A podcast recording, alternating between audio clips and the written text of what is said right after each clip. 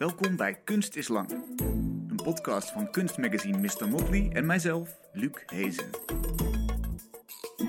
Dag, leuk dat je weer luistert. Vandaag praat ik met Vang Mei. Ze maakt schilderijen waar ze overheen borduurt.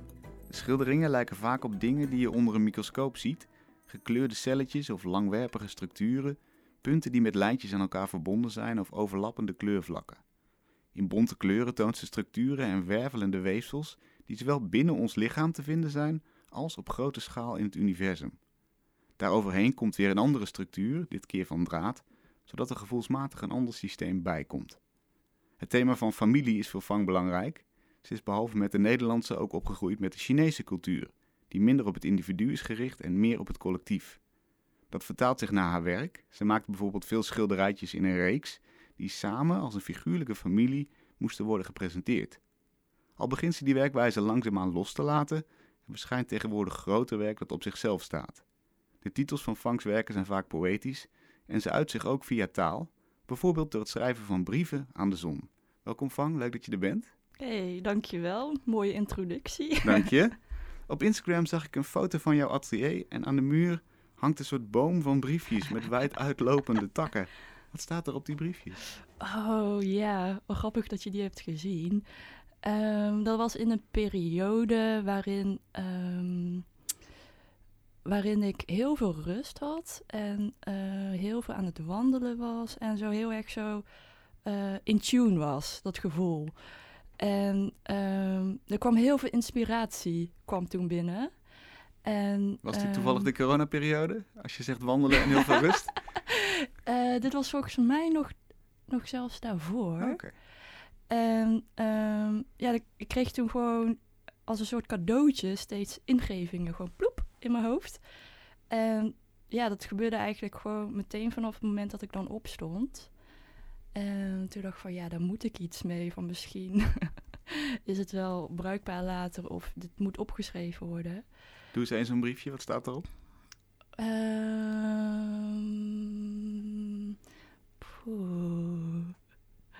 um, ik weet niet meer precies over wat er, wat er allemaal uh, af, afzonderlijk uh, erop staat. Mm. Uh, want het is ook best wel vluchtig geschreven allemaal. En het zijn allemaal losse gedachten of ingevingen of theorietjes. En er zat ook een soort van vluchtigheid zat er ook in. En uh, ik had dan toevallig van die, van die vloeipapiertjes, uh, had iemand laten liggen bij mij. En ja, die schreef ik dan zo snel daarop. En dan plak ik ze zo aan de muur. Mm. En, en, wat voor ingevingen hebben we het over? Gaat het over kleuren? Gaat het over ideeën? Noem eens globaal iets.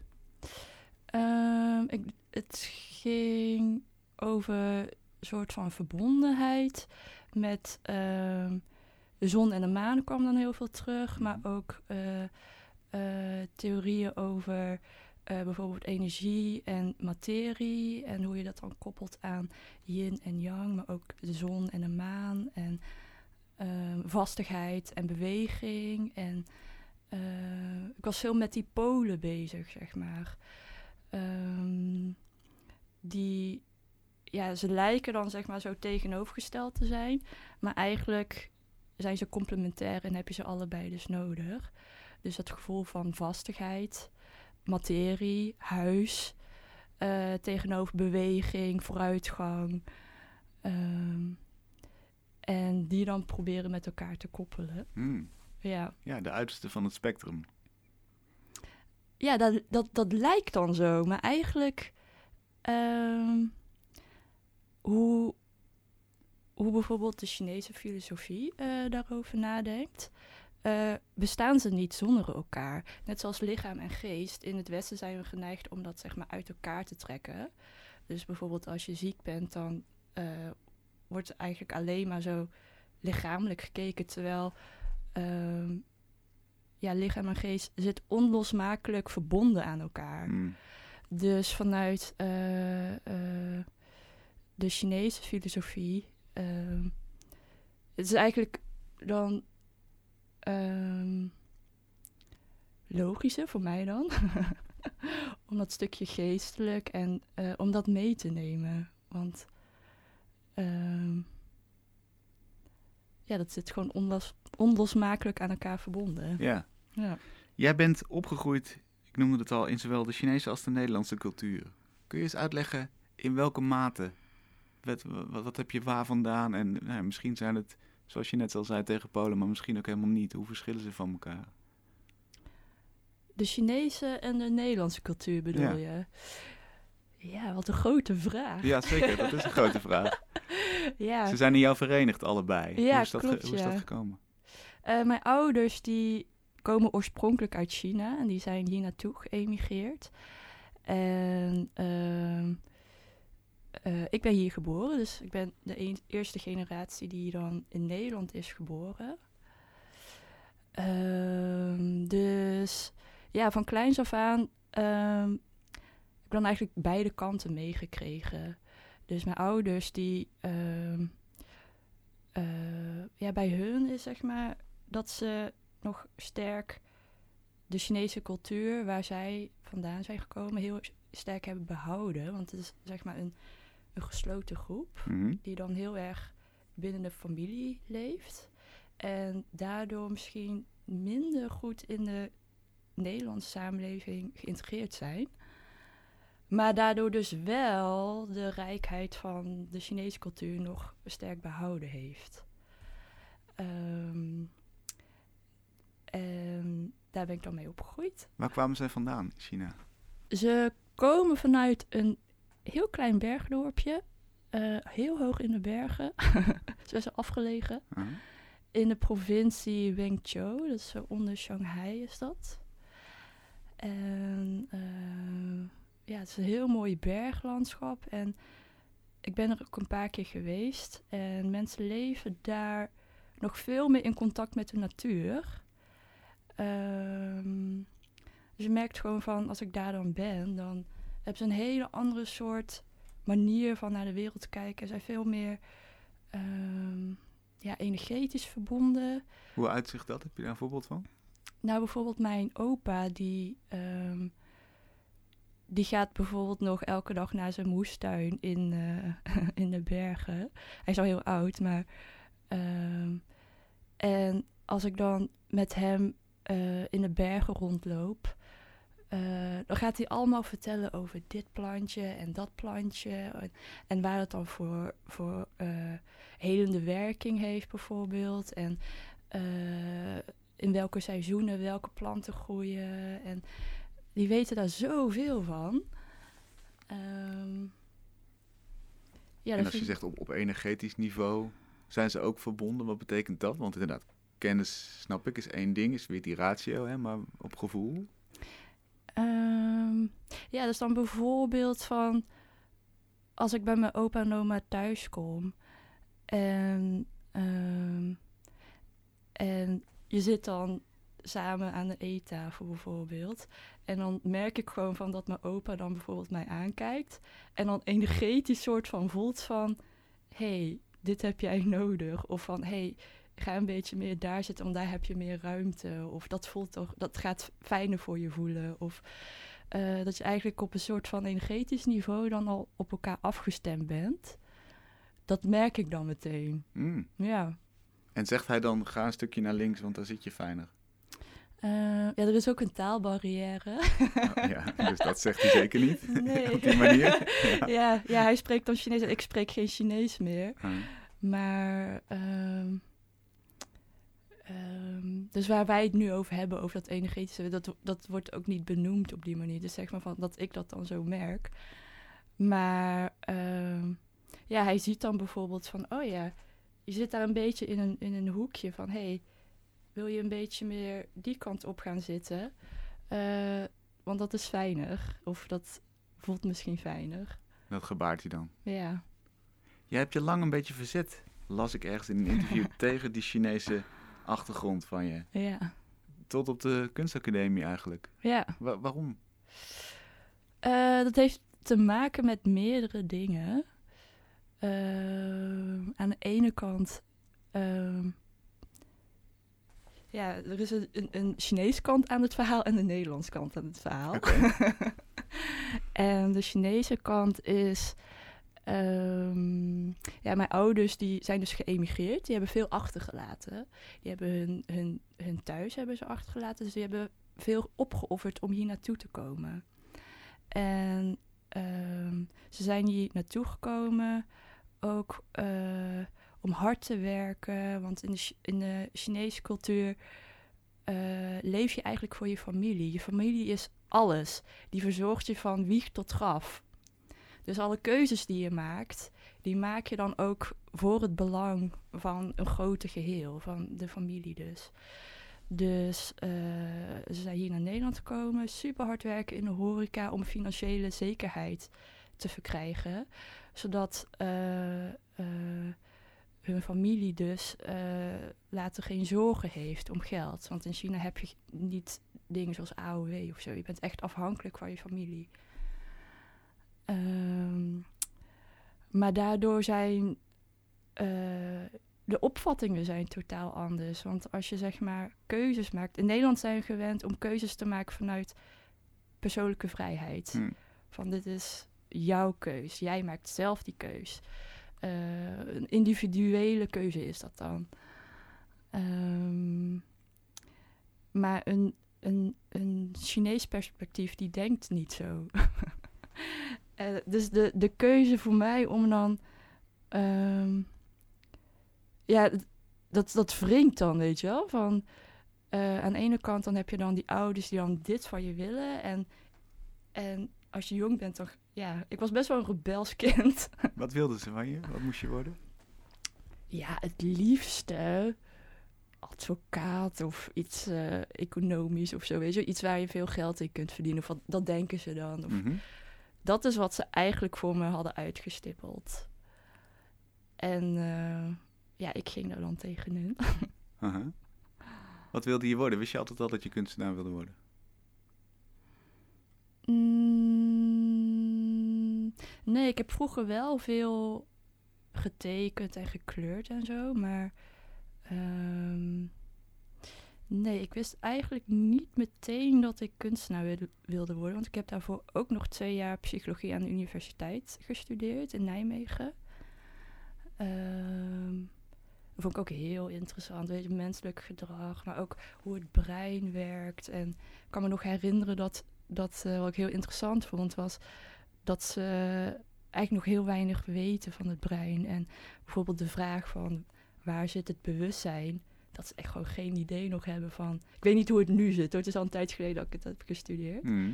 Maar dat ze eigenlijk helemaal nog niet weten van waar het bewustzijn zit. En ook niet weten van waar moet je dat zoeken. Zit dat in je hoofd? Zit dat in je lichaam? Geen idee. Ja. Ja. Op een gegeven moment ben je toch naar die kunstacademie gegaan. ja. Waarom? Ehm, ik vond psych- psychologie vond ik een hele interessante studie.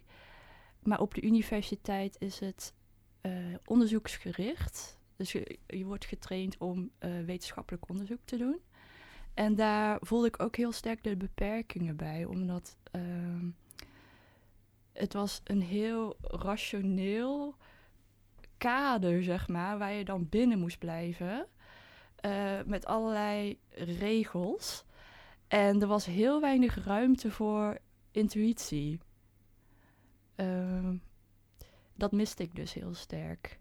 En toen ging ik naar de open dag van de kunstacademie. En toen voelde ik meteen van, hier moet ik zijn. En dat is intuïtie, dus dan, dan, dan zit het goed, dan weet je het. Ja, precies. Het is eh, eh, een soort van weten, wat je niet per se uit kunt leggen. Ja, je kunt natuurlijk wel redenen bedenken en erover praten en zo. Mhm. Maar zeg maar dat innerlijk weten, dat, dat is voor mij absoluut. Dat is zeg maar van eh, het instinctieve niveau, weet je wel? Van, Dat is doorslaggevend, ja, altijd. eh, daar kun je voor kiezen dat je je leven op die manier leidt. Ja, ja. En dat, dat is wel wat je voorstaat. Ik vind het interessant om zeg maar. Kijk, weet je van. ehm, op een Nederlandse school dan, dan word je geleerd om dan eh, structureel dingen, weet je wel, met uit te zetten en van verschillende kanten te bekijken, Mhm. te analyseren. Ehm, dus die kant die heb ik wel meegekregen en ik kan het ook wel, ik kan er ook in mee. Mhm. Maar op een gegeven moment kom je dan mensen tegen en die doen het anders, op een andere manier. En, ehm, en daarbij voel ik dan een soort van, oh, maar misschien voel ik me hier eigenlijk, voel ik hier meer verwantschap mee. Ik zei net al, je begon eigenlijk op de kunstacademie een, een paar jaar met de houding, ik ben Nederlands. ja. Ik, ik heb weinig te maken met die, met die Chinese wortels. Waarom was dat Ja. dan? Want, want je was net van het rationele psychologie naar de kunstacademie gegaan, waar je instinctief voelde, hier moet ik zijn. ja. Dan zou, dan zou de deur eigenlijk openstaan toch naar een soort van het toelaten van je Chinese achtergrond. Of zie ik dat verkeerd? Ja, dat heeft echt nog wel een tijdje geduurd, denk ik. En dat heeft dan te maken met. ehm, ehm, kijk, ik kom uit Den Bosch. En ehm, ik, ben ik ben in een witte omgeving ben ik opgegroeid. Dus een witte basisschool, katholieke witte basisschool. waar je moest bidden en zo. Waar ik echt geen zak van begreep. Mhm. En ehm, ja, later op de middelbare school, op de universiteit, maar ook op de kunstacademie. Eh, ja, mijn hele omgeving was wit. En ik zag mezelf, zag ik niet weerspiegeld in mijn omgeving of in de samenleving. Of er was destijds was er geen representatie van wie ik was, zag ik niet weerspiegeld in mijn omgeving. En wat er dan gebeurt is. ehm, eh, ja, en dan heb je ook nog te maken met, weet je, dus de stereotypes die, eh, die dan heersen, die niet, ja, niet altijd eh, positief zijn. Namelijk? Ehm, van? nou, dan kan ik misschien beter aan jou vragen. Wat voor stereotypes heb jij? Wat voor vooroordelen of beelden heb jij over Chinese mensen? Dat vind ik heel moeilijk om het in het algemeen te zeggen. Want eh, hoe, ja, als je algemeen praat, dan ben je natuurlijk sowieso al te kort door de bocht. Ja, Eh, maar nou ja, laat, nou, laat ik dan het hardwerkende aspect noemen, wat je net, eh, wat je net beschreef bij je ouders. ja, Dat is, dat is wat, wat ik wel ken. ja. Denk te kennen, in ieder geval. Het hardwerkende. Maar ook bijvoorbeeld op de basisschool. Ehm, ik weet niet of jij dat ook hebt meegemaakt vroeger. Maar als bijvoorbeeld, als je dan jarig bent, dan ga je toch allemaal van die verjaardagsliedjes zingen. Mhm. En dan zat er dan altijd zo'n liedje bij. Hanky Panky Shanghai, ken je Mm. dat? Ja. Ja, dat is eigenlijk gewoon heel erg vernederend. ja, natuurlijk. Ja. Ehm, dus, en dat is heel vreemd dat dat eigenlijk nu nog steeds gezongen wordt. Mm. Dus eh, door dat soort dingen, ehm, ik denk dat ik dan onbewust ergens heb gekozen van, oké, wacht, ik ben hier sowieso de enige Chinees in de hele witte wereld. En het Chinees zijn wordt ook een soort van eh, afgewezen of zo Mhm. hier in, in de maatschappij. Dus dan ga ik maar ervoor zorgen van, nee, ik ben wit. Ja, Ik als ben ook overlevingsstrategie eigenlijk. Ja, maar het gaat onbewust. Het is echt niet zo van dat, dat ik daar eh, over na heb gedacht Ja. of zo. Wanneer werd het wel bewust? Wanneer dacht je, ja, maar zo werkt het niet. Dit gaan we niet doen. Ehm, ja, ik denk dat tijdens aan het einde van de kunstacademie toen kwam ik in aanraking met meer Chinese filosofieën dus en Taoïsme. En ja, toen merkte ik dus bij mezelf van hé, hey, hier voel ik aansluiting mee. Ik bedoel, ik kan wel zo die Chinese kant heel erg lopen ontkennen en verzetten en alles. Maar als ik gewoon eerlijk ben, gewoon oprecht, dan voel ik hier gewoon echt aansluiting mee. Eh, ja, dit zijn mijn roots. Heb je daar een voorbeeld van? Van dat Taoïsme bijvoorbeeld. Ik weet niet of iedereen dat heel veel zegt. Of die er meteen een beeld bij hebben. Kun je een situatie beschrijven van je dacht, ja, maar dit, is, dit past bij mij. Ehm, ja, het is een hele mysterieuze soort taal die ook eh, ehm, ja, een soort bijvoorbeeld het, het gaat dan over, over de weg die dan ook niet echt er is ook niet echt een soort van duidelijke vertaling van wat taal is. Als je denkt dat je het weet, dan weet je het eigenlijk niet. En het zijn hele paradoxale Mhm. hele paradoxale eh, teksten zijn het. maar ook bijvoorbeeld, ehm, was het ik die droomde dat ik een vlinder was? Of ben ik een vlinder die droomde dat ik ik was? Ehm, Ja. Inderdaad paradoxaal. ja. Maar toch genoeg om, om jezelf mee te voeden, blijkbaar, of om er iets uit te halen. Wat haal jij uit zo'n eh, vergelijking als dit, uit, uit die twee zinnetjes? Ehm, Waarom spreekt het jou zo aan? Nou, bijvoorbeeld over die vlinder. Ehm, ze. ehm, ze verwijzen naar een wereld die niet zichtbaar is voor het oog, zeg maar. Een soort van onzichtbare wereld, die of een droomwereld, of iets wat je wel kunt voelen door middel van intuïtie. Waar ook dan weer andere soort regels eh, aan vastgebonden zijn die niet rationeel te verklaren zijn. Om, eh, ja, om in contact te komen met die intuïtieve wereld. En dat spreekt me, spreekt me heel sterk aan. Dus het idee dat er, dat er meerdere dimensies zijn, meerdere lagen, Ja, voorbij onze, onze banale werkelijkheid, om het zo maar te ja zeggen. inderdaad. Dus je hebt dan de fysieke wereld, maar er is ook nog een andere wereld. Net zoals je een, een fysiek lichaam hebt, weet je van botten, spieren, wat je gewoon wat tastbaar is, wat je kunt zien en vastpakken.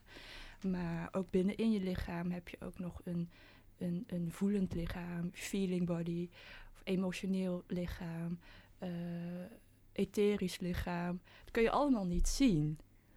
Maar dat is er wel allemaal.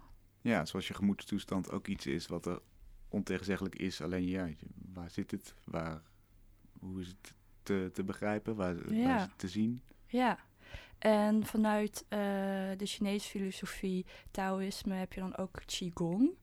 Eh, wat ik ook heb geleerd tijdens me, na de kunstacademie, heb ik ook nog Chinees geneeskunde gedaan. En die Qigong, dat is een soort van, eh, ja, Tai Chi ken je wel toch? Van naam, maar Ja. je, je zult het een beetje moeten introduceren om mee te krijgen. Het is een. ehm, ik zie het als een soort van energiedans. Die dan ook de polen, zoals yin en yang, met elkaar eh, verenigt. Maar ook bijvoorbeeld dan dus je fysieke lichaam en al die andere lichamen die je niet meteen dus kunt zien, eh, met elkaar verbindt. En als dat dan gebeurt, dan kom je in een soort flow terecht. Ik weet niet of je dat, dat gevoel herkent Mhm. van... ehm, ehm, als je eigenlijk uit je denkende hoofd gaat en dat je eigenlijk meer laat leiden door ehm, ja, intuïtie of het, ik noem het dan flow. Mhm. Ja, En ehm, volgens mij maak je dan dus ook op die manier contact met, eh, weet je wel, van binnen, dat je dan op die verschillende lagen dan contact maakt. Maar dat kan ook zeg maar dus buiten, van de wereld buiten jou. Dat je dan dus ook contact maakt met iets groters, waar wat, wat moeilijk is om over echt direct over te praten. Maar ik heb het idee dat via Qigong en die oefeningen dan dus eh, dat je daar dan meer grip op kunt krijgen. en dat, dat hoort... Dat, is dat een soort... eh, die oefeningen, wat zijn het voor oefeningen? Kun je dat eens beschrijven? Wat doe je dan? Aan de buitenkant ziet het er niet super spectaculair uit. maar van binnen gebeurt er heel erg veel. Dus eh, je gaat dan zeg maar staan en ehm, je wordt dan ook getraind van hoe sta je, waardoor je contact hebt met zeg maar je fysieke lichaam, maar ook meer je, zoals hemel en aarde zeg maar. Het is zeg maar dat je dan een beetje voeling begint te krijgen. Eh, dat je weet hoe het voelt om die twee polen, zeg maar, bij elkaar te krijgen. Dus het is ook heel erg zo traag, eh, heel vloeiend op de ademhaling. Op de inademhaling gaan bijvoorbeeld de handen omhoog. En op de uitademhaling dan duwt het weer omlaag. En zo ehm, ontstaat er een soort van innerlijke rust ook. En ehm, ja, je voelt dan dat die energie dan gaat stromen. Hoe heeft dit jouw werk beïnvloed? Ehm, ja, best wel sterk. Eh, het is vooral het werkproces dat het dan eh, heeft beïnvloed. Ehm, Want ehm, als je bijvoorbeeld in die flow mentale staat komt, ehm, dat kan natuurlijk ook tijdens het schilderproces. En dan, dat voelt zeg maar een beetje als, alsof je eh, je denkende hoofd en eh, alles wat je, dan, wat, het, wat je denkt dat het schilderij zou moeten zijn, eh, alle controle die je daarover wil hebben, die je dan dus helemaal loslaat. En dan eigenlijk vanuit een blind vertrouwen een schilderij maakt. En ergens is dat echt het engste ooit.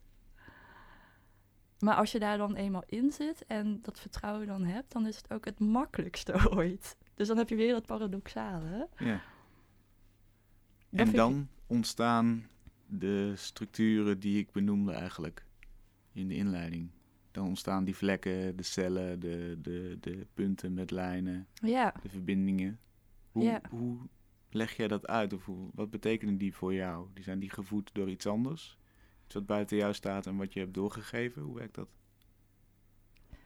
Ehm, nou, de, de, de concrete vormen die je ziet, dat is dan ook een soort dans tussen uh, beweging, maar ook vaststaande dingen. En dus die polen dus, dus ook van de cellen, maar ook het, uh, het kleinste wat je dan kunt vinden, maar ook het universum, het grootste wat je kunt vinden. En dat dan bij elkaar proberen te brengen. Um, materie en energie, bijvoorbeeld. Ik vind het heel interessant als je, als we het dan hebben over yin en yang, um, dat je dan bijvoorbeeld uh, iets gestructureerd hebt en ook iets wat dan niet ongestructureerd of organisch. Ik vind het minder interessant als je schilderijen maakt die echt alleen maar organisch zijn. Mm -hmm. Of schilderijen maakt die dan zo super sterk, allemaal alles uitgemeten tot de millimeter, weet je wel. Um, uh, dat, die, die extreme vind ik niet zo interessant. Ik vind eigenlijk juist interessant waar dan dat bij elkaar komt. Daar gebeurt het voor mij.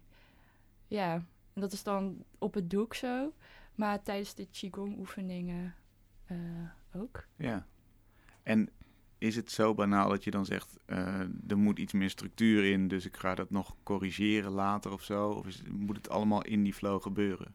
Ja, dus als ik het aan het maken ben, dan uh, want, want, hoe jij het nu beschrijft is weer dat rationele hoofd. Mm. dat is er dan dus niet. Mm -hmm. Uh, ik heb een hele reeks kleine werken gemaakt. En terwijl ik dat aan het maken was, uh, kon ik er niet op deze manier over praten of denken of zo. Dan zit je gewoon in die flow. Ja.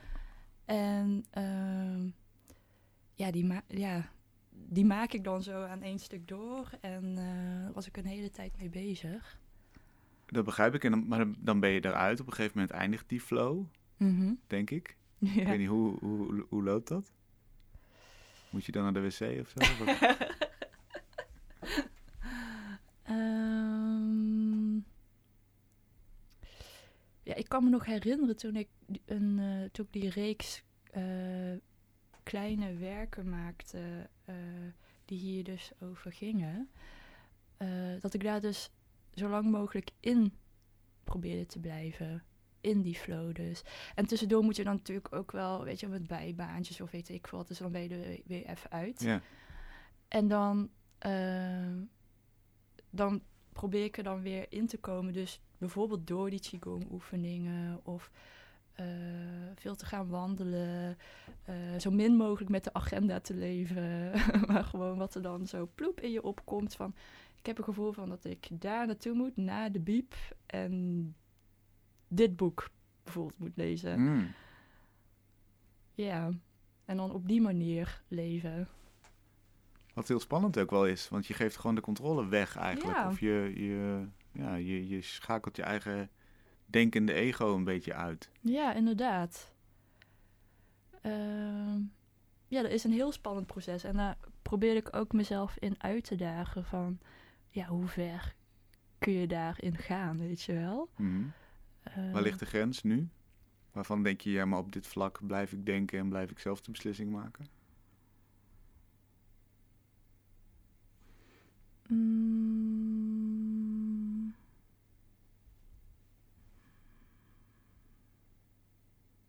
Ja, op een gegeven moment dan.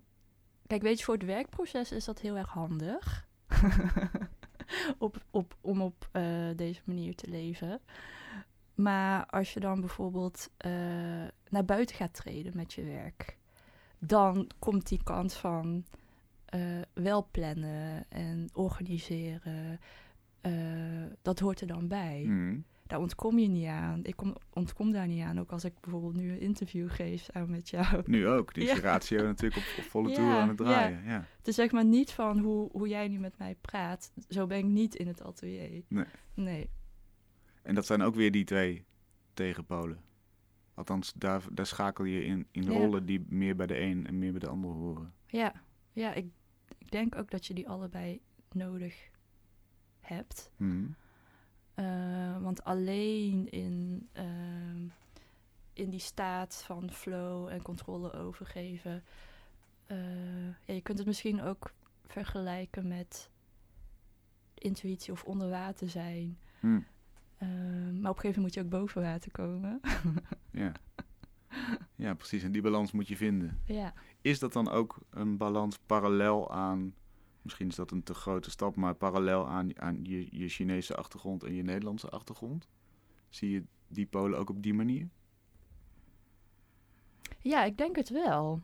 Want ehm, ja, mijn familie is dus heel erg Chinees gebleven. Ehm, en ik ben van kleins af aan ben ik eh, gevoed met allerlei verhalen en opvattingen die totaal niet rationeel zijn. Die eh, ehm, ja, wij zouden het hier benoemen als bovennatuurlijk. Bovennatuurlijke fenomenen. Maar voor, voor eh, mij en mijn Chinese familie is dat gewoon common sense. Is gewoon normaal. Geef eens een voorbeeld waarvan wij zouden zeggen, ja, dat is, kun je geloven, maar dat doe ik niet. En wat, wat vanuit hen normaal is. Ehm, nou, bijvoorbeeld in dat bergdorpje waar mijn ouders eh, vandaan komen, is het een hele normale opvatting dat daar geesten zijn. En eh, er liggen ook heel veel mensen begraven in de bergen. Dat is ook de beste plek om begraven te worden eh, in de berg. Ik denk omdat het dan dichter bij de hemel is Hmm. dat denk ik, ja, dat, zo probeer ik het dan ver- te verklaren. Ehm, maar daar is het dus een hele algemene opvatting van, ja, die geesten die zijn er. Ze hebben daar ook gewoon daadwerkelijk ervaringen mee gehad. Gewoon zintuigelijke ervaringen. Dus dan, dan is dat waar. Is dat gewoon de waarheid en Ja. werkelijk. Ja. Terwijl als je hier in Nederland over geesten begint, dan eh, word je een beetje raar aangekeken. Ja. ja, zeker. En is het, eh, wat ik dan interessant vind, is in hoeverre speelt die omgeving mee? Is dat daar?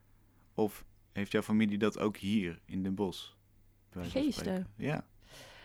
Is Is het aan een locatie gebonden of is dat aan een staat van denken, van voelen gebonden? Nou, ze zeggen dus van dat het vooral in de bergen is. Dat het daardoor ook een beetje gevaarlijk is in de bergen. omdat eh, de geesten vooral daar zijn. Dus ik denk omdat daar veel mensen begraven liggen of zo. Mhm. Maar dat het in de steden, ook in China, dat, dat ze dat minder ervaren. En eh, hier in Nederland ook minder. Ehm, maar ja, het kan wel. Ik heb ook wel Nederlandse vrienden eh, horen zeggen dat ze. Weet je wel, van dat bijvoorbeeld dan iemands oma is overleden. En eh, dat ze dan naar haar huis ging van de oma. En dat ze dan die nacht, weet je, dat er dan opeens allemaal lampen flikkeren. Of, eh, en dat ze dan echt voelt van, hé, hey, dat is die oma. Hmm. Ja. Dus het is een kwestie van of je ervoor open staat of niet. Is dat wat jou betreft ook hoe je er naar kijkt? Dat is aan de hand en of je, of je het opmerkt of niet, het ligt aan jezelf.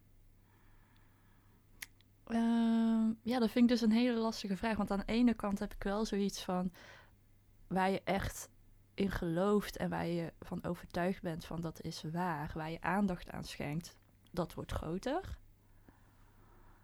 Ehm, en aan de andere kant. ehm,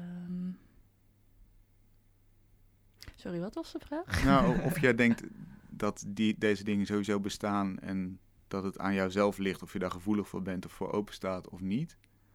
Of, Of- je er gevoelig voor bent, Ja. voor geesten. Ja, bijvoorbeeld. Of dat je zegt, het, het zit in iemands hoofd. Het is niet per se objectief gezien waar, maar het zit in iemands hoofd en dus beleef je het en dus is het voor die persoon waar. Ja. Ik vind dat heel moeilijk om een uitspraak over te doen. Want ik, ene, aan de ene kant geloof ik wel van dat die gevoeligheid wel meespeelt. En aan de andere kant heb ik ook zoiets van, ja, op het moment dat jij zo'n ervaring hebt, dan kom je er niet meer aan onderuit. En tot het punt dat je die ervaring hebt, dan weet je het eigenlijk niet. Mhm. Dus je kan het eigenlijk niet ontkennen of eh, zeggen dat het wel waar is of niet waar is, want je hebt die ervaring niet gehad. Ja. Hoe is dat voor jou eigenlijk? Want je hebt allebei die perspectieven. Ja, Wat ik vind het heel erg interessant sowieso. Dit Mhm. is alles wat, eh, wat je rationeel niet kunt verklaren, vind ik super interessant. Mhm. En ook, weet je wel, van als iemand dan iets vertelt over zijn of haar opvattingen, wat dan mijn opvattingen totaal onderuit haalt, vind ik helemaal geweldig. Mhm. En over geesten. Ja, ik ben ook in dat bergdorpje geweest. Ik heb ze niet gevoeld of gehoord. Of, maar aan de hand van hoe ik zie dat mijn familie daarop reageert. Als ze bijvoorbeeld in de bergen dan langs een, een graf lopen. Dat ze dan echt angstig worden. Mhm. Dat ze echt zoiets hebben. En dan proberen ze het liefst gewoon te ontlopen om daar dan langs te gaan, weet je wel. ja, dat voelt dan heel erg echt. Ja. Door hun reactie Ja, voor jou. Dus dat, dat is, daardoor lees je het, zeg maar. ja. Je hebt ook een werk gemaakt, een slaapwandeling met voorouders en berggeesten. Tussen haakjes verf, eet, doek op. Kun je het werk eens omschrijven? We? Ehm, dat was het eerste doek waarin ik ehm, olieverf en ehm, geborduurde elementen eh, aan het combineren was. En het werk is ongeveer 70 bij 90 centimeter groot. En je ziet een soort van organische eh, piramidevorm die een, ja, het kan van alles. Het kan dan symbo- symboliseren een soort van eh, droomwereld of eh, een soort van spirituele baarmoeder. Zo kun je het ook zien. Mhm. Spirituele baarmoeder. Ja. Ik leer van alles vandaag. en eh, om daar dan in rond te wandelen. Ja, het is een blauw schilderij. En het heeft iets dromerigs. Iets ongrijpbaars. En ehm, ja, de slaapwandeling die staat dan voor een onderzoek die ik naar eh, dromen heb gedaan. En ehm, ja, ik heb deze titel heb ik ook in een droom gekregen. Mhm. ja, dat was eigenlijk het begin van dit onderzoek. Van, eh, ehm, ja, die, die kreeg ik in een droom. En dan, eh, dan komt hij dan op zo'n papiertje aan de muur te hangen? Is Ja. dat, eh, dit is een voorbeeld Ja. van zo'n eh, ja, zo'n zo'n titel. vloeitje dus. wat beschreven wordt? Ja. Ja? En ehm, verf eet doek op. Komt dat ook uit de droom? Ehm, dat komt niet uit de droom, maar dat was denk ik meer van. Ja, ik was, ik was destijds bezig met het gevoel van oorsprong. En ehm, ja, dat ik dan eigenlijk het doek zo naar mij wilde laten praten van... hé, hey, wat wil dat doek dan eigenlijk? Mhm. En op die manier dan een, een schilderij laten ontstaan. En ik voelde dat op dat punt, voelde ik dat dan het sterkst eh, door heel natuurlijk te werken. En ik had toen eh, op linnen geschilderd, zonder een gessolaag eroverheen te doen. Omdat ik dan ook gewoon echt dat materiaal wilde voelen. Ik wilde dat, dat het materiaal tegen me ging praten of dat die ingevingen dan zo binnenkwamen. Maar het ding is dan dus van als je gaat schilderen op ongeprepareerd doek, dan wordt het opgegeten door de olieverf. Of in ieder geval dat, die waarschuwing heb ik heel vaak gekregen van docenten. Van, moet je absoluut niet doen. En dat is dus weer zo'n facet Waarbij je eigenlijk zegt, ik schakel die ratio even uit, die parkeer ik en we gaan op het gevoel af. Ja, En mijn gevoel zegt nu niet die gessen onderlaag, zoals we het altijd doen, maar van de gebaande paden af. ja, precies. En ergens had ik ook zoiets van... Oh, je doek wordt dan opgegeten? Wauw. Weet je wel? Zo van, dat vind ik eigenlijk juist reuze interessant. Ja, kijk die wat er gebeurt. uitspraak. Ja. Hoe heeft het uitgepakt? Wat jou betreft, is het een interessant werk daardoor geworden ook? Ja, het schilderij is helemaal opgegeten. het bestaat niet meer. ja, ik weet niet. Misschien dat het over 200 jaar er anders uitziet. Hmm. Eh, maar nu, het ziet er nog steeds hetzelfde uit als toen ik het geschilderd had. We hebben heel veel gehoord over de manier waarop dit werk ontstaat en de flow en de, de gedachtenwereld erachter. Wij zijn natuurlijk in de westerse kunstgeschiedenis heel getraind om rationeel te kijken ook. Ja. Te denken.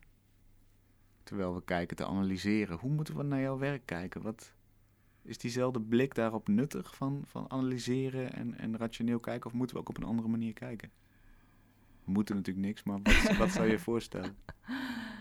Ehm, ik zou voorstellen van om te proberen om het ratio even helemaal uit te schakelen. Het denken ook helemaal even uit te schakelen. Eh, want je kunt zeg maar vanuit je linker hersenhelft kun je de wereld waarnemen, maar je kan ook vanuit je rechter hersenhelft dingen waarnemen. En eh, eh, ja, de verbeelding die zit volgens mij ook daar in de rechter hersenhelft.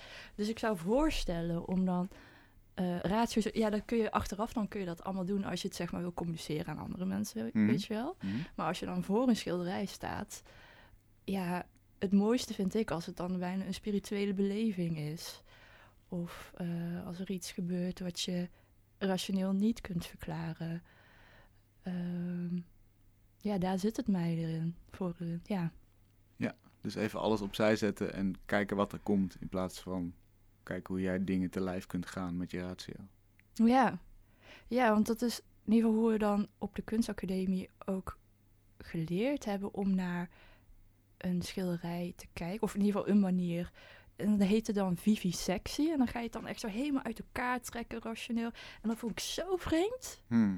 Ik had echt zoiets van, hè, maar waarom zou je... Alsof je een soort chirurg bent, weet je wel, die dan al die stukjes zo uit elkaar snijdt. anatomie. Ja, terwijl ehm, vanuit mijn beleving kun je het eigenlijk veel... Doe je het kunstwerk meer eer aan als je het meer holistisch bekijkt. Als, als je, weet je wel, dat het gewoon een geheel is waar je dan op een respectvolle manier ehm, toe verhoudt. In plaats van dat je het helemaal in stukken gaat snijden. Ik noemde in de inleiding al eventjes de groepen schilderijtjes die als familie eigenlijk de wereld ingingen. Daarvan ben je nu een beetje aan het afstappen. Althans, er komen, er komen ook grotere werken die op zichzelf staan. Ja. Wat is dat voor ontwikkeling? Hoe, eh, kun je kort vertellen hoe dat gaat? Ehm, ja, ik ben iets van twee jaar of drie jaar bezig geweest met een heleboel kleine werkjes. Die zijn 11 bij 15 centimeter groot. En daar heb ik er een heleboel van gemaakt. Die zijn ook heel vluchtig ontstaan. En eh, tijdens die Qigong-fase Mhm, dus. in de flow. Mhm. Precies. En eh, die heb ik ook allemaal. Achteraf heb ik ze ingedeeld in families, omdat ik. eh, ze staan niet op zichzelf. Het is juist de hoeveelheid bij elkaar samen die elkaar dan sterker maakt. Dat vond ik een heel interessant eh, gegeven. Van, eh, omdat we dan hier dus worden opgevoed met het idee van je moet op jezelf staan. Individu. eigen verantwoordelijkheid. Het zelf is hier een heel ander begrip dan in de Chinese cultuur. Waar je dan dus ehm, het kracht van het geheel, van de familie, het grotere geheel dat dan samenwerkt. Eh, alle cellen bij elkaar, weet je wel, die dan een samenwerkend orgaan zijn. Ehm, ja, daar ben je dan eigenlijk, daar is het individu ook kleiner. Ehm, ja, en ik, ik vind dat dus ook heel erg waardevol op die manier dan. eh, om daar een statement over te maken. Mhm. Ehm, dus daardoor waren het een heleboel kleine werken in families die samen sterker waren. Omdat ik ook zo de vraag had van, "Maar waarom moet het ook zo groot? Weet je wel, van waarom, ehm, waarom is een groot werk imposanter dan een klein werk? Of waarom heeft een klein werk minder waarde dan een groot werk? Waarom? Ja, dat wilde je onderzoeken en in, in die families presenteren om daar een statement over te maken. Ja, dat een klein werk eh, eh, is even belangrijk als een groot werk. Ehm, En tegelijkertijd is de omkering nu dat je wat Ja. groter gaat werken en toch weer unieke werken wilt maken. ja, ja. Waarom? Eh, nou, op een gegeven moment dan heb ik dat statement gemaakt van de kleine werken. En ehm, heb ik dat onderzoek gehad. En ehm, ik ben zeg maar niet iemand die dan hetzelfde tien jaar lang gaat herhalen. Hmm. Eh, dus de keuze om dan groot te werken. Ja, er zit, ik denk wel dat daar twee redenen in zitten. Aan de ene kant is het zo van, als ik werk maak, dan moet de intentie daarvan moet zuiver zijn. Dus op het moment dat ik dan merk van, hé, hey, ik heb hier iets te pakken. eh, het moet geen trucje worden wat ik dan ga herhalen. Want voor mij voelt het zo van om dan echt diep in die intuïtie te zakken, moeten mijn intenties ook zuiver zijn. Ja. Ja, En op een gegeven moment is het dat niet meer als het bekend is, als het sta- statement gemaakt is, moet je verder in je ontwikkeling. ja, ja, En dan kom je bij grotere ja, werken uit. ja. Maar ik denk ook dat je het voelt als een werk gemaakt is vanuit de zu- zuivere intentie of dat het vanuit een andere intentie wordt gemaakt. Dat voel je. Ik begon mijn inleiding te zeggen dat je ook brieven schrijft aan de zon. Heel ander medium eigenlijk. Mhm. 26 brieven heb je geschreven en je hebt ze de andere mensen laten voorlezen. Ze zijn als audiowerken tentoongesteld ook. Je hebt gevraagd of ik er eentje wil voorlezen. Ik heb er één gekozen. Moeten mensen hier nog iets van weten voordat, voordat ik het lees? Eh, ja, want ik heb dus een tijdje geleden heb ik een heleboel brieven geschreven aan de zon. En dit werk is ook ontstaan vanuit eh, een studie Chi- Chinese geneeskunde die ik heb gedaan. En daarbij viel het mij op, eh, die werkt dan met yin en yang. En ehm, eh, die waren dus van mening van dat de yang kant in onze samenleving heel erg is doorgeslagen. Dus dat is de kant van, eh, van actie, presteren, ambitie, altijd in beweging zijn, meer volle agenda's. Eh, burn-out, niet alleen van onszelf, maar ook van, van de aarde. Ehm, dus dan heb je yin en yang, dus de zon en de maan. En eh, mijn standpunt is daarin om dan daar meer balans in te krijgen. Dus om dan ook meer waardering te krijgen voor de maanzijde, de yin-zijde. Dus die brieven die heb ik dan geschreven, eh 26 brieven, om die zonkant in ons aan te spreken. Eh, iedereen heeft die kant. en En toe te spreken ook eigenlijk. toe te spreken, inderdaad. Dus ik hoop dat eh, mensen iets daarin herkennen. En eh, ja, zijn heel erg anders van toon. Ik heb jou er eentje laten uitkiezen op gevoel, op je intuïtie. zeker. Ja?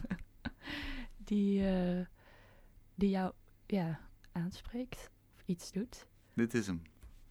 Beste zon, stop met al je energie weg te geven. Stop gewoon. Bewaar licht voor jezelf. Schijn licht naar binnen, schijn licht binnenshuis. Als het lukt, als het lukt, krimp dan in je huis. En als je mij niet gelooft, geloof dan de boeddhistische monnik. Hij heeft gezegd: The only way out is in. Mooi, Mooi voorgelezen. dankjewel. The only way out is in. Ja, ook weer iets wat die twee tegenpolen ja. probeert te verenigen. Wat betekent die zin voor jou? Ehm, nou, in essentie heb je dan dus eh, eh, de yang kant is zeg maar dus alles naar buiten. Als je dan het in handgebaren probeert uit te leggen, dan is het zeg maar dit Ja, wat je dan doet. Ja. Ja, dus de buitenwereld in, extravert zijn, in actie komen. Ehm, maar het gevoel, zeg maar, dit naar binnen is anders. En ik denk dat we daar moeten zoeken. Dankjewel, dat gaan we doen. En we gaan jouw werk ook ervaren. Dat is zowel naar buiten als naar binnen, denk ik eigenlijk. Ja. We moeten eerst naar buiten naar een galerie, we moeten ervoor staan en dan kijken wat er op ons afkomt. Dankjewel, Vang. Leuk dat je er was. Tot zover Kunst is Lang van deze week. Wij worden mogelijk gemaakt door het Prins Bernhard Cultuurfonds, het BNG Cultuurfonds en het KF Heinefonds. Waarvoor veel dank. We zijn er volgende week weer. Tot dan.